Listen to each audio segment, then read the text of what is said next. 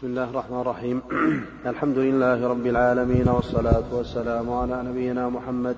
اللهم صل وسلم. قال الإمام مسلم رحمه الله تعالى وحدثنا يحيى بن يحيى قال أخبرنا الليث بن سعد حاء حدثنا قتيبة بن سعيد وتقاربا في اللفظ قال حدثنا ليث عن سعيد عن سعيد بن أبي سعيد المقبري عن عياض بن عبد الله بن سعد أنه سمع أبا سعيد الخدري رضي الله عنه يقول قام رسول الله صلى الله عليه وسلم فخطب الناس فقال لا والله ما أخشى عليكم أيها الناس إلا ما يخرج الله لكم من زهرة الدنيا. فقال رجل يا رسول الله أيأتي الخير بالشر؟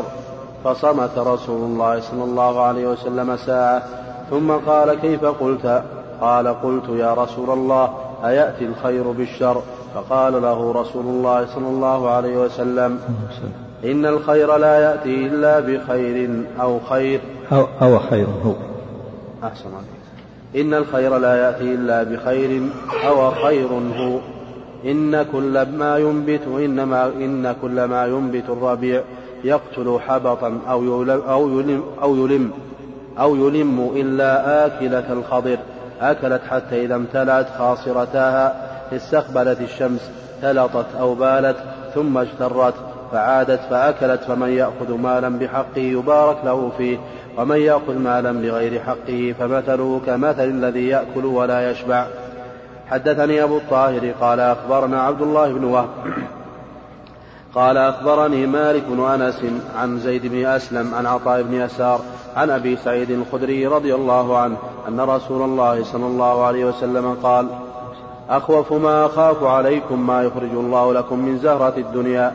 قالوا وما, قالوا وما زهرة الدنيا يا رسول الله؟ قال بركات الأرض. قالوا يا رسول الله وهل يأتي الخير بالشر؟ قال لا يأتي الخير إلا بالخير. لا يأتي الخير إلا بالخير لا يأتي الخير إلا بالخير. إن كل ما أنبت الربيع يقتل أو يلم إلا آكلة الخضر. فإنها تأكل حتى إذا امتدت خاصرتها استقبلت الشمس ثم اشترت وبالت وثلطت ثم عادت فأكلت. إن هذا المال خضرة حلوة. فمن أخذه بحقه ووضعه في حقه فنعم المعونة فنعم المعونته. ومن أخذه بغير حقه كان كالذي يأكل ولا يشبع. حدثني علي بن حجر قال أخبرنا إسماعيل بن إبراهيم عن هشام صاحب عن هشام صاحب الدستوائي. عن يحيى بن أبي كثير عن, عن هلال بن أبي ميمونة عن عطاء بن يسار عن أبي سعيد الخدري رضي الله عنه قال جلس رسول الله صلى الله عليه وسلم على المنبر وجلسنا حوله فقال إنما إن مما أخ إن مما أخاف عليكم بعد ما يفتح ما يفتح عليكم من زهرة الدنيا وزينتها. وزينتها. أحسن عليك فإني إني إن إن مما أخاف عليكم بعد ما يفتح عليكم من زهرة الدنيا وزينتها. فقال رجل أو يأتي أو قال فقال رجل أو يأتي الخير بالشر؟ يا رسول الله. قال فسكت عنه رسول الله صلى الله عليه وسلم. فقيل له ما شأن ما شأنك؟ تكلم رسول الله صلى الله عليه وسلم. ولا يكلمك. قال ورؤي وقال ورؤينا أنه ينزل عليه فأفاق يمسح عنه الرحضاء وقال إن هذا إن هذا السائل وكأنه حمده فقال إنه لا يأتي الخير إنه لا يأتي الخير بالشر وإن مما ينبت الربيع يقتل أو يلم إلا آكلة الخضر فإنها أكلت حتى إذا امتلأت خاصرتها استقبلت عين, استقبلت عين الشمس فثلطت وبالت ثم رتعت وإن هذا المال خضر حلو ونعم صاحب المسلم ونعم صاحب المسلم هو هو لمن أعطي من ونعم صاحب المسلم هو لمن أعطى منه المسكين واليتيم وابن السبيل أو كما قال رسول الله صلى الله عليه وسلم وإنه من يأخذه بغير حقه كان كالذي يأكل ولا يشبع ويكون عليه شهيدا يوم القيامة. بسم الله الرحمن الرحيم. الحمد لله رب العالمين والصلاة والسلام على محمد وعلى آله وصحبه أجمعين. أما بعد فهذا الحديث بطرقه المتعددة فيه التحذير من الاغترار زينة الدنيا وما يبسط منها والمفاخرة بها وأخذ المال من غير حقه وعدم إنفاقه في وجوهه المشروعة. فإن النبي صلى الله عليه وسلم ضرب في هذا الحديث ضرب مثلين. مثلا لمن يجمع المال ويمسكه ولا ينفقه ومثلا لمن يجمع المال من وجوهه المشروعة وينفقه في وجوهه المشروعة. فضرب مثلا للذي يجمع المال وينفقه ولا ينفق في وجوهه المشروعة بالآكل بالدابة التي تأكل من الربيع ثم وتكثر ثم تصاب بالتخمة. فتهلك والمثل الثاني لمن ينفق لمن ينفق المال ويصرف في وجوه المشروعة بالدابة التي تأكل ثم بعد ذلك تخرج ما ما في بطنها. فإنها تسلم من شره. فإنها إذا أكلت وامتلأت ثم أخرجت ما في بطنها. فإنها سلمت من شره بخلاف ما إذا بقي في بطنها فإنها يهلكها. ولهذا حذر النبي صلى الله عليه وسلم من فيها في هذا الحديث من الاغترار بالدنيا وزينتها وجمع المال من وجوه المشبوهة وعدم إنفاقه في وجوه المشروعة. وهذا من نصحه عليه الصلاة والسلام لأمته فإنه عليه الصلاة والسلام أنصح الناس للناس. ولهذا خطب الناس عليه الصلاة والسلام على المنبر وحذرهم من الاغترار بالدنيا وإيثارها على الآخرة والتعسف في جمع المال من حلال وحرام وعدم إنفاقه في وجوه المشروعة وهذا وهذه نصيحة عليه الصلاة منه لأمته إلى يوم القيامة. ليس خاصا بالصحابة. ولهذا في حديث سعيد سعيد الخدري رضي الله عنه النبي صلى الله عليه وسلم خطب الناس محذرا لهم من الاغترار بالدنيا وعدم انفاق المال في وجوه المشروعة. وقال لا والله ما أخشى عليكم أيها الناس إلا ما يفد الله لكم من زهرة الدنيا. فإن فإن الإنسان مجبور على حب المال. والدنيا لها لها زهرة ولها بهرج ولها نظرة تستهوي الإنسان ولهذا خطب الناس عليه معلنا ذلك وقال لا والله وأقسم عليه الصلاة والسلام لبيان تأكيد المقام وهو الصادق عليه الصلاة والسلام وإن لم يقسم. لا والله ما أخشى عليكم أيها الناس إلا ما يخرج الله لكم من زهرة الدنيا. فقال رجل يا رسول الله أيأتي الخير بالشر؟ فصمت رسول الله صلى الله عليه وسلم ساعة يعني مدة من الزمن. ثم قال كيف قلت؟ قال قلت يا رسول الله أيأتي الخير بالشر فقال له رسول الله صلى الله عليه وسلم إن الخير لا يأتي إلا بخير. وفي اللفظ الآخر إن الخير لا يأتي إلا بالخير كرر هذا ثلاثة إن الخير لا يأتي إلا بالخير إن الخير لا يأتي بالخير ثم قال أو خير هو؟ يعني هل هو خير ما يفتح الناس من في الدنيا؟ حتى يقال حتى تقول أيأتي الخير بالخير؟ هو هل هو خير؟ خالص بل هو فتنة. أو خير هو يعني ما يأخذون من الدنيا استفهام. هل هو خير؟ أم هو فتنة وابتلاء وامتحان؟ ثم ضرب النبي صلى الله عليه وسلم مثلا فقال إن كل ما ينبت الربيع إن كل ما ينبت الربيع يقتل حبطا أو يلم. الربيع حينما يخرج يكون أحمر له نظرة يستهوي الدابة فتأكل الدابة. منه وتستكثر من الأكل حتى تصاب بالتخمة فتهلك أو تقارب الهلاك إنما يقتل حبطا يعني تخمة أو يلم أو يقارب الهلاك. وهذا واضح مثلا واضح واقع فإن الدابة إذا رأت المرعى جيد وله نظرة لا تأكل تأكل تأكل تأكل حتى يمتلئ بطنها وتصاب بالتخمة ثم تموت. أو تقارب الهلاك تضرب إلا آكلة الخضر أكلت حتى إذا امتدت خاصرتاها استقبلت الشمس سلطت وبالت ثم اجترت فعادت فأكلت. هذا مثل آخر. دابة أخرى تأكل من الربيع ولما امتلأ بطنها جعل الله لها سببا في سلامها من الهلاك فاستقبلت الشمس ثم ثلطت وبالت. يعني أخرجت ما في بطنها. ثلطتها الرجيع الرجيع الذي يخرجه من بطنها الرجيع الرقيق. فلما ثلطت وبالت سلمت من شره لأنه إذا بقي في بطنها أهلكها فسلمت ثم اجترت يعني أخرجت الجرة أخرجت الجرة وهو ما في بطنها تخرجه وتمضغ. دابة معروف أنها تخرج ما في بطنها وتمضغ ثم تعيد مرة أخرى. ثم اجترت فعادت فأكلت مرة أخرى لأنها سلمت وخرج ما في بطنها فعادت. ثم قال النبي فمن يأخذ مالا بحقه يبارك له فيه. هذا كالذي يأخذ المال ثم ينفقه مثل الدابة التي تأكل ثم تخرج ما في بطنها. فمن أخذ مالا بحقه يبارك له ومن أخذ مالا بغير حقه فمثله كمثل الذي يأكل ولا يشبع. وفي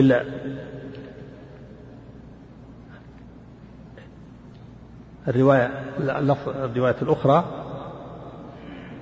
إن هذا الماء خضرة يقول النبي صلى الله عليه وسلم إن هذا الماء خضرة حلوة فمن أخذه بحقه ووضعه في حقه فنعم المعونة هو.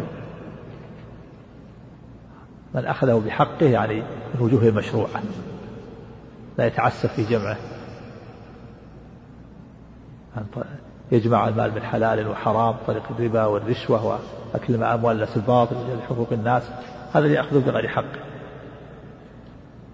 من أخذ بغير حقه كان كالذي يأكل ولا يشبع. هذا مثل مثل الدابة التي تأكل ولا تخرج ما في بطنها. ومن أخذه بحقه ووضعه في حقه فنعم المعونة هو. هذا مثل الدابة التي تأكل ثم تخرج ما في بطنها. تسلم شد وفي اللفظ الآخر قال النبي صلى الله عليه وسلم لما ذكر الدابة قال حتى إذا ابتلت خاصرتها استقبلت عين الشمس فثلطت وبالت ثم ركعت يعني ثم رعت مرة أخرى. نفيد ما في بطنه وإن هذا المال خضر حلو ونعم صاحب المسلم هو لمن أعطى منه المسكين واليتيم وابن السبيل هذا هو الذي ينفق ينفق من المال. بعد أن يجمعهم وجوه المشروعة يعطي منه المسكين وهو الفقير واليتيم من فقد أباه صغير دون البلوغ وابن السبيل المنقطع من الطريق. وإن من يأخذه بغير حقه كان كالذي يأكل ولا يشبع ويكون عليه شهيدا يوم القيامة.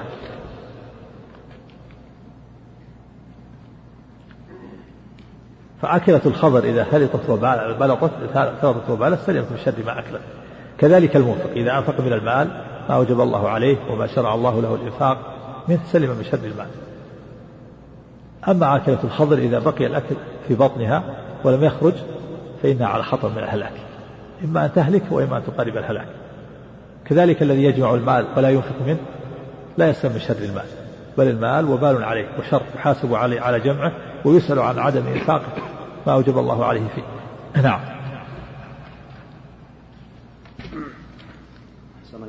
كأنه أوحي إليه صلى الله عليه وسلم. نعم. في اللفظ الآخر أوحي نزل عليه وحي بهذا. قال إنه لا يأتي الخير بالشر. الخير لا يأتي إلا بالخير لكن هذا ابتلاء وامتحان. نعم. حدثنا قتيبة بن سعيد عن مالك بن أنس فيما قرئ عليه عن ابن شهاب عن عطاء بن يزيد الليثي عن أبي سعيد الخدري رضي الله عنه أن والأمثال الأمثال آه، ينتقل بها الإنسان من الذهن من من شيء إلى شيء. ينتقل من شيء محسوس. هذا محسوس آكلة الخضر يحس بها الناس ويعرفونها. الدابة إذا أكلت واستكثرت من الأكل وبقي في بطنها هلكت أو قربت الهلاك. فالنبي يضرب المثل ليقرب المعنى فينتقل الذهن من هذا إلى هذا. قال الله تعالى وتلك الأمثال نضربها نضربها للناس يوم يعقلها إلا علم. ولهذا أكثر الله تعالى من ضرب الأمثال في كتابه العزيز. وكذلك النبي صلى الله عليه وسلم ضرب أمثالا كثيرة في سنته المطهرة وهذا من الأمثال. نعم. حدثنا قتيبة بن سعيد عن مالك بن أنس فيما قرئ عليه عن ابن شهاب عن عطاء بن يزيد الليثي عن أبي سعيد الخدري رضي الله عنه أن ناسا من الأنصار سألوا رسول الله صلى الله عليه وسلم فأعطاهم ثم سألوه فأعطاهم حتى إذا نفد ما عنده قال ما يكن عندي من خير فلن أدخره عنكم. فلن أدخره. فلن أدخره عنكم ومن يستعفف يعفه الله. ومن يستغني يغنيه الله ومن يصبر يصبره الله وما أعطي أحد من عطاء خيرا وأوسع وأوسع من الصبر. حدثنا عبد بن حميد قال أخبرنا عبد الرزاق قال أخبرنا معمر عن الزهري بهذا الإسناد نحوه. نعم وفي هذا الحديث النبي صلى الله عليه وسلم لا لا يرد سائلا يعطي. ثم بعد ذلك ينصح عليه الصلاة والسلام. فهو يجمع بين الأمرين. يعطي ما عنده ولا يرد سائلا ثم يعطيه النصيحة النصيحة التي تفيده. ولهذا لما جاء هؤلاء هؤلاء بعض الأنصار سألوا النبي صلى الله عليه وسلم يعني شيئا فأعطاه ثم سألوه فأعطاه. حتى إذا نفد ما عنده قال لهم عليه الصلاة والسلام ما يكون من عندي من خير فلا ندخره لكم. لكن هناك شيء يعني أولى من المال الذي تأخذونه شيء يفيدكم. وهي القناعة والاستعفاف والصبر. هذا خير عظيم هذا خير من تأخذ المال. قال من يستعفف يعفه الله ومن يستغني يغنيه الله ومن يصبر يصبره الله يصبره الله. وما أعطي أحد من عطاء خير وأوسع من الصبر. هذه نصيحة عظيمة. كل إنسان يستعفف ويستغني ويتصبر ويقنع بما آتاه الله هذا خير عظيم. كما حصل من حكيم بن حزام رضي الله عنه أنه قال كما أنه سأل النبي صلى الله عليه وسلم كما سبق ثلاث مرات قال سألته فأعطاني ثم سألته فأعطاني ثم سألته فأعطاني ثلاث مرات سأله من المال أعطاه؟ ثم نصح النبي صلى الله عليه وسلم. قال يا حكيم إن هذا المال خضر حلو فمن أخذه بحقه بورك له فيه. ومن أخذه بغير حقه كان كالذي يأكل ولا يشبع. فاستفاد حكيم رضي الله عنه وأثرت في هذه النصيحة العظيمة في الحال. فقال للنبي والذي نفسي بيده لا أرزأ بعدك أحدا أبدا خاطب الرسول. لا يعني لا أنقص أحدا من المال يعني ما أخذ ما أخذ من أحد بعدك. انتفع بهذه النصيحة لأنه سأل النبي ثلاث مرات. قال سألته فأعطاني ثم سألته فأعطاني ثم سألته ثم فلما نصحه النبي صلى الله عليه وسلم بين له أن هذا المال خضر حلو ومن أخذه بسخاوة نفس بورك له فيه ومن أخذه بإشراف نفس كان كالذي يأكل ولا يشبع انتفع وقال والذي نفسي بيده لا أرزأ بعدك أحدا. يعني لا أنقص شيئا من ماله. فانتفع بذلك مدة حياته. فلما توفي النبي صلى الله عليه وسلم وتولى أبو بكر رضي الله عنه ووزع على الناس نصيبهم من الفيء دعا حكيم ليعطيه فامتنع وزهد فقال لا لا أريد. ثم لما توفي عمر وتولى توفي أبو بكر وتولى عمر ووزع على الناس الفيء وأراد أن يعطي حكيما نصيبه امتنع. قال لا أريد. فشهد عليه فأشهد عليه عمر وقال أيها الناس وجدكم على حكيم يعطيه قسمه الذي فرض الله له ويأبى. فلم يرجع حكيم بعد النبي صلى الله عليه وسلم أحدا أبدا. نعم. حدثنا أبو بكر بن أبي شيبة قال حدثنا أبو عبد الرحمن المقرئ عن سعيد بن أبي أيوب قال حدثني شرحبيل وهو ابن شريك عن أبي عبد الرحمن الحبلي عن عبد الله بن عمرو بن العاص رضي الله عنه أن رسول الله صلى الله عليه وسلم قال قد أفلح من أسلم ورزق كفافا وقنعه الله بما آتاه نعم والفلاح أمر عظيم. الله تعالى قال قد أفلح المؤمنون. الفلاح هو الحصول على المطلوب والنجاة من المرهوب والنبي صلى الله عليه وسلم علق الفلاح بثلاثة أشياء الإسلام و والرزق الكفاف والقناعة. من أسلم هداه الله للإسلام هذه منة عظيمة. ثم رزقه كفافا. والكفاف هو الذي يكفي الإنسان ويكف وجهه عن عن الحاجة إلى الناس. وليس وليس فيه زيادة يعني يكفي. لا يكفي حاجته ولا يحوجه إلى الناس. وآتاه الله قناعة صار عنده عنده قناعة ورضا وطمأنينة في قلبه ما عنده تطلع ولا تلهف. بل هو غني غني القلب. بعض الناس فقير القلب. ولو كان عنده ملايين لكن فقير القلب. لا يزال يتلهف.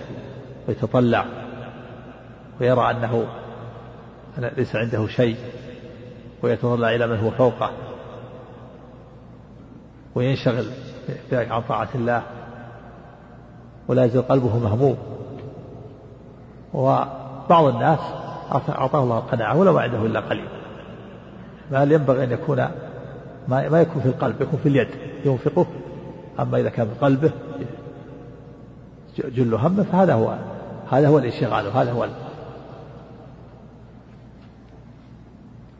وهذا هو الذي يعني لم يوفق للقناعة نعم. حدثنا أبو بكر بن أبي شيبة وعمر الناقد وأبو سعيد الأشد قالوا حدثنا وكيع قال حدثنا الأعمش حاون حدثني زهير بن حرب قال حدثنا محمد بن فضيل عن أبي كلاهما عن عمارة بن القعقاع عن أبي زرعة عن أبي هريرة رضي الله عنه قال قال رسول الله صلى الله عليه وسلم اللهم, اللهم اجعل رزق آل محمد قوتا. نعم وهو ما يقيت الإنسان ويكفيه ويسد رمقه. نعم.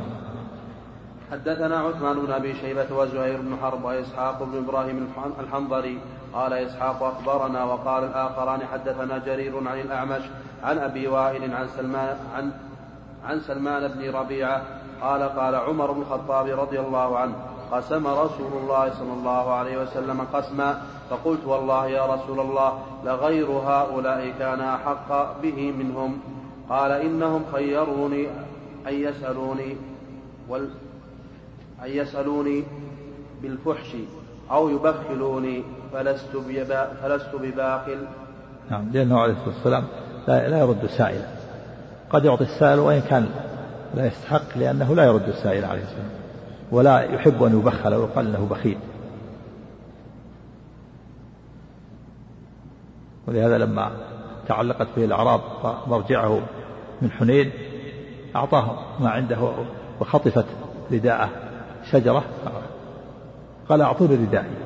والله لو كان لي عدد هذه العظاه نعم لقسمته بينهم ثم لا تجدوني جبانا ولا كذابا ولا بخيلا عليه الصلاة والسلام. نعم سم سم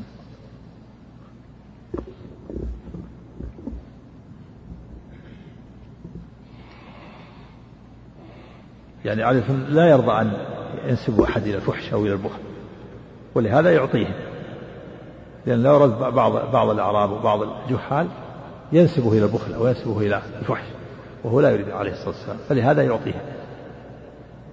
وينهاه أحيانا يقول لا لا يسأل أحد بغير حق والله لا يلحف أحد في المسألة ثم تخرج له مسألته من شيء فيبارك له فيه. فهم يلجئونه إلى إلى السؤال بالفحش وينسبونه إلى البخل.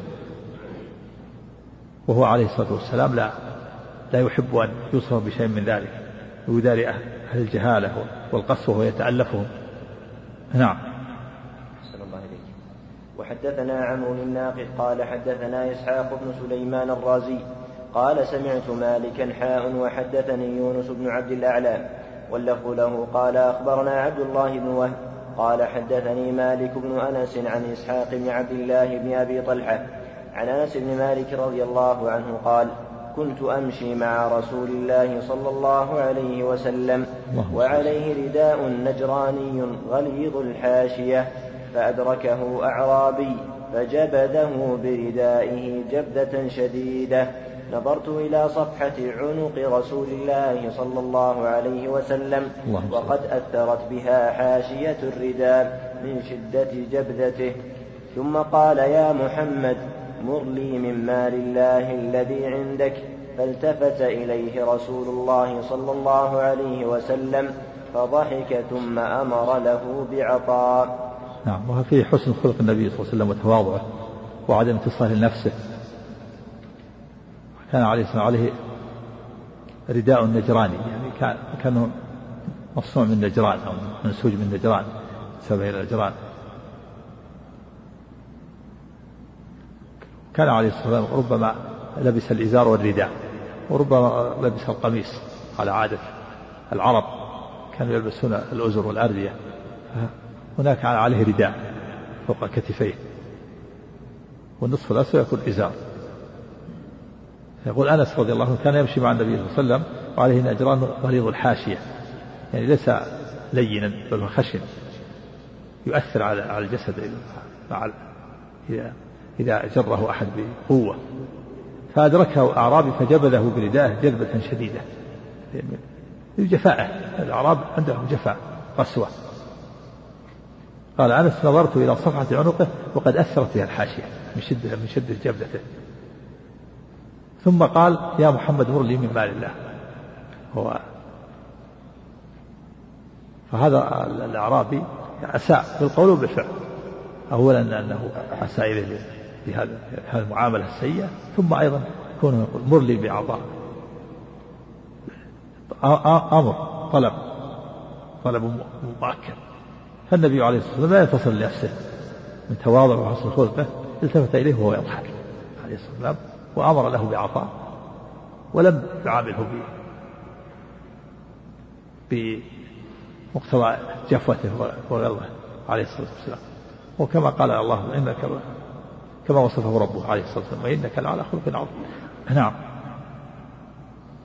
أحسن الله عليك وحدثني زهير بن حرب قال حدثنا عبد الصمد بن عبد الوارث قال حدثنا همام حاء وحدثني زهير بن حرب قال حدثنا عمر بن يونس قال حدثنا عكرمة بن عمار حاء وحدثني سلمة بن شبيب قال حدثنا أبو المغيرة قال حدثنا الأوزاعي كلهم عن إسحاق بن عبد الله بن أبي طلحة عن أنس بن مالك عن رضي الله عنه عن النبي صلى الله عليه وسلم بهذا الحديث. وفي حديث عكرمة ابن عمار ابن عمار من الزيادة قال ثم جبده إليه جبدة رجع نبي الله صلى الله عليه وسلم في نحر الأعرابي وفي حديثه هذا يدل على جذبة شديدة. من جذبته وصل النبي صلى الله عليه وسلم إلى نحر إلى صدر الأعرابي من قوة جذبته. ومع ذلك لم يصل نفسه لم يصل نفسه عليه الصلاة لو كان من الملوك ومن الجبارين أو من الظلمة لا عاقبة. عاقبة بالقتل أو بالضرب الشديد أو بالقتل. لكنه عليه الصلاة والسلام ليس جبارا ولا بل هو متواضع عليه الصلاة والسلام. ولا يتصل نفسه ولا يثق نفسه عليه الصلاة والسلام. نعم. أحسن الله عليك وفي حديث همام فجاذبه حتى انشق البرد. وحتى بقيت حاشيته في عنق رسول الله صلى الله عليه وسلم. حدثنا قتيبة بن سعيد قال حدثنا ليث عن ابن أبي مليكة عن المسور بن مخرمة أنه قال قسم رسول الله صلى الله عليه وسلم أقبية ولم يعط مخرمة شيئا. فقال مخرمة يا, يا, يا بني انطلق بنا إلى رسول الله صلى الله عليه وسلم. فانطلقت معه قال ادخل فادعه لي. قال فدعوته له فخرج إليه وعليه قباء منها. قبأ وعليه قبأ. وعليه قباء منها. فقال خبأت هذا لك. قال فانظر إليه. فقال رضي مخرمة. حدثنا أبو الخطاب زياد بن يحيى الحساني قال حدثنا حاتم, حاتم بن وردان أبو صالح قال حدثنا أيوب السختياني عن عبد الله بن أبي مليكة عن المسور بن مخرمة قال قدمت على النبي صلى الله قدم قال قدمت على النبي صلى الله عليه وسلم أقبية فقال لي أبي مخرمة انطلق بنا إليه عسى أن يعطينا منها شيئا قال فأقام أبي على الباب فتكلم فعرف النبي صلى الله عليه وسلم صوت صوته فخرج ومعه قباء وهو يريه محاسنة وهو يقول خبأت هذا لك خبأت هذا لك. نعم والقباء فتح القاف ثوب يلبس فوق الثياب يشبه البشت والمشتح وفي أن مخرمة قال لابنه مسور اذهب بنا إلى نذهب إلى النبي صلى الله عليه وسلم فقد جاءه أخبية. أقبية. فذهب إليه فقال ادعه. كان في خلق حدة رضي الله عنه مخرمة.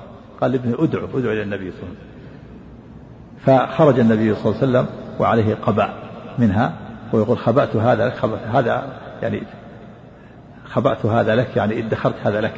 كان النبي يعلم يعلم يعني ما فيه من الحدة فيراعي حاله. ف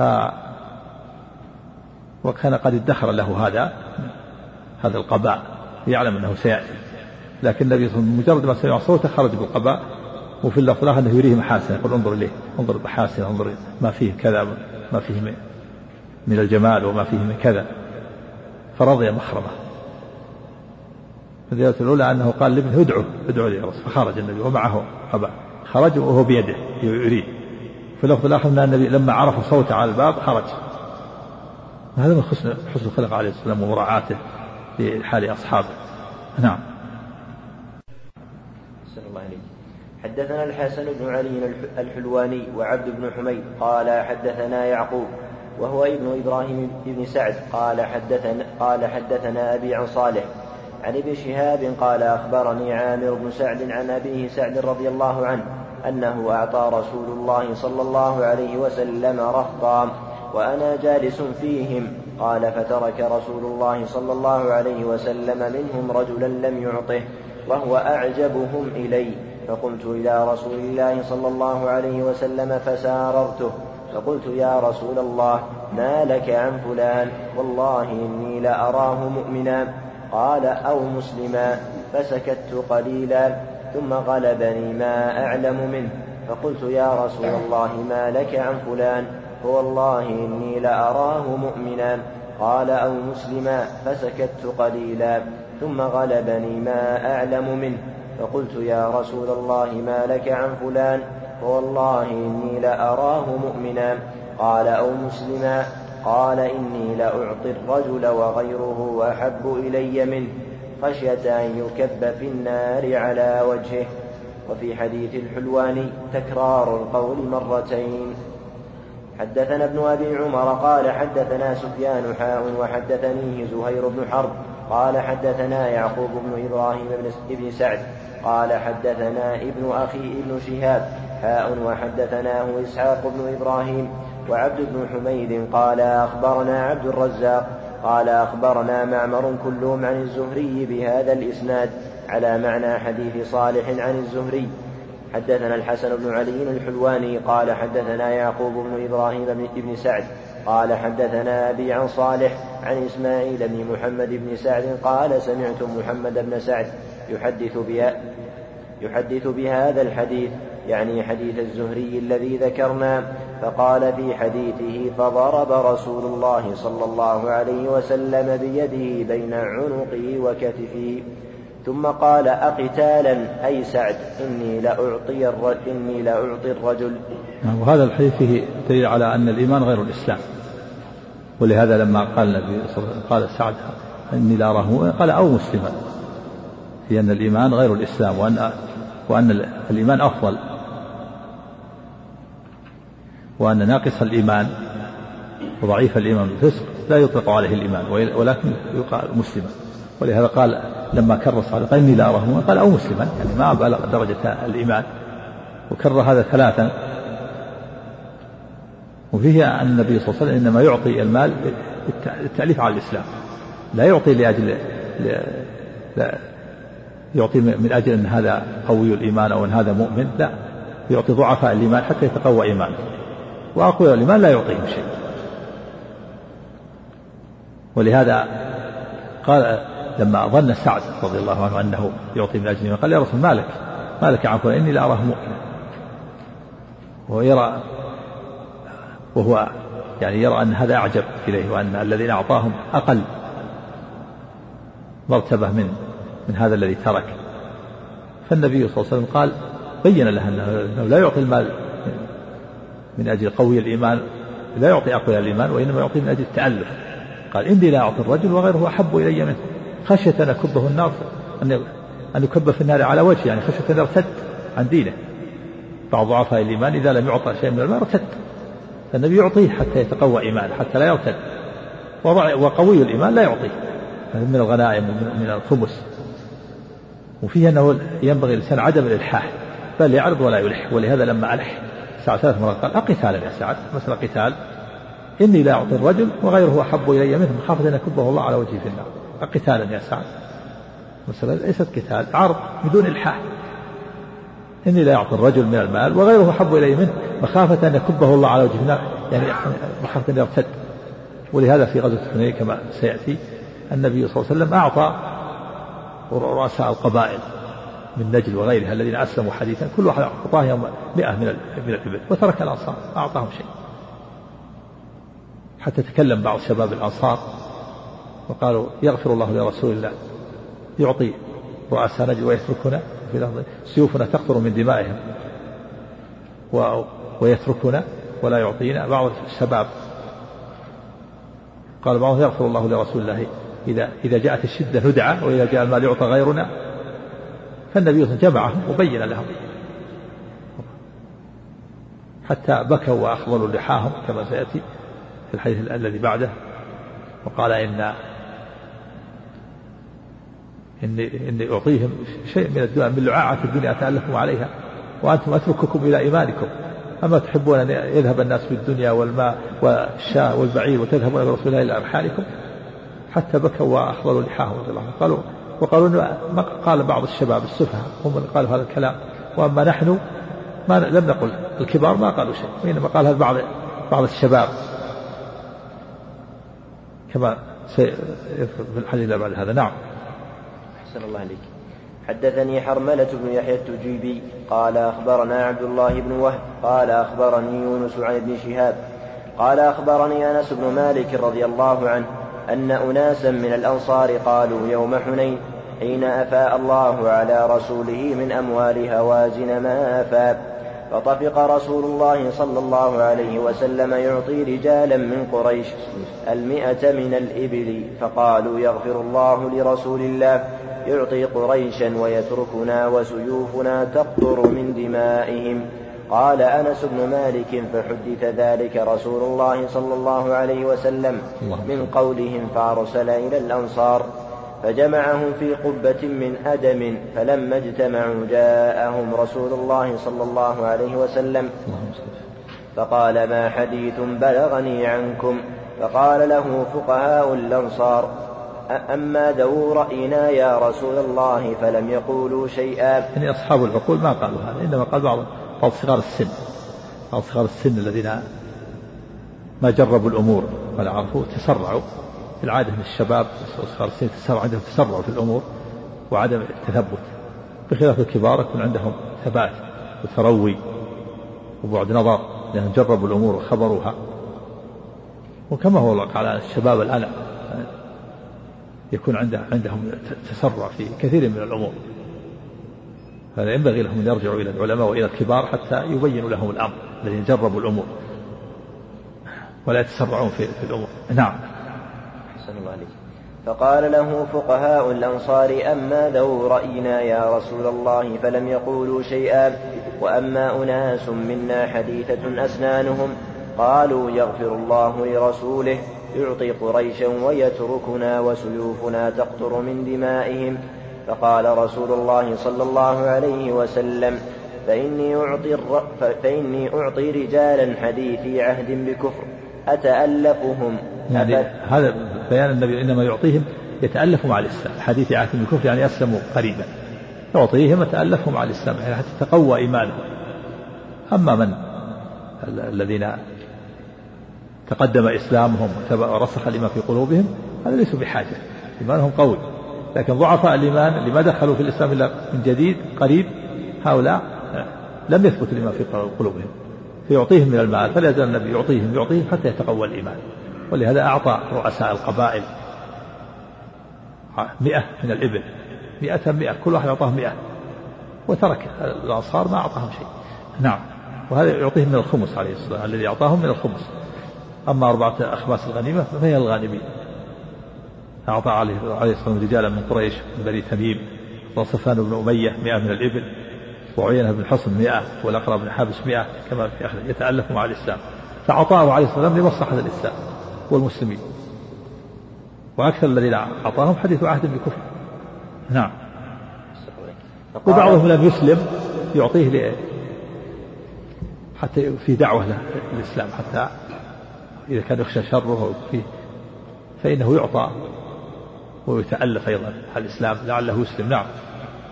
أحسن الله عليك فقال رسول الله صلى الله عليه وسلم فإني أعطي رجالا حديثي عهد بكفر أتألفهم أفلا ترضون أن يذهب الناس بالأموال وترجعون إلى رحالكم برسول الله؟ فوالله لما تنقلبون به خير مما ينقلبون به. فقالوا بلى يا رسول الله قد رضينا. قال فإنكم ستجدون أثرة شديدة. فاصبروا حتى تلقوا الله ورسوله فإني على الحوض. أثرة ويقال أثرة وي يعني يستأثر عليكم ويفضل عليكم غيركم بغير حق. يعني لا لا يعطون حقوقهم ويقدم غيرهم عليهم بالشيء المشترك. نعم. فالنبي صلى الله عليه وسلم امرهم بالصبر قال اصبروا حتى تلقوا تلقوا الله ورسوله فإني على الحوض. في إثبات الحوض حوض النبي صلى الله عليه وسلم. نعم. أحسن الله عليك فإنكم ستجدون أثرة شديدة فاصبروا حتى تلقوا الله ورسوله فإني على الحوض. قالوا سنصبر. حدثنا حسن الحلواني وعبد بن حميد قال حدثنا يعقوب وهو, وهو ابن إبراهيم بن سعد قال حدثنا أبي عن صالح عن ابن شهاب قال حدثني أنس بن مالك رضي الله عنه أنه قال لما أفاء الله على رسوله ما أفاء من أموال هوازن واقتص الحديث بمثله غير أنه قال قال أنس فلم نصبر وقال فأما أناس حديثة أسنانهم. وحدثني زهير بن حرب قال حدثنا يعقوب بن إبراهيم قال حدثنا ابن أخي ابن شهاب عن عمه قال أخبرني أنس بن مالك رضي الله عنه وساق الحديث بمثله. إلا أنه قال قال أنس قالوا نصبر كرواية يونس عن الزهري. حدثنا محمد بارك, بارك الحديث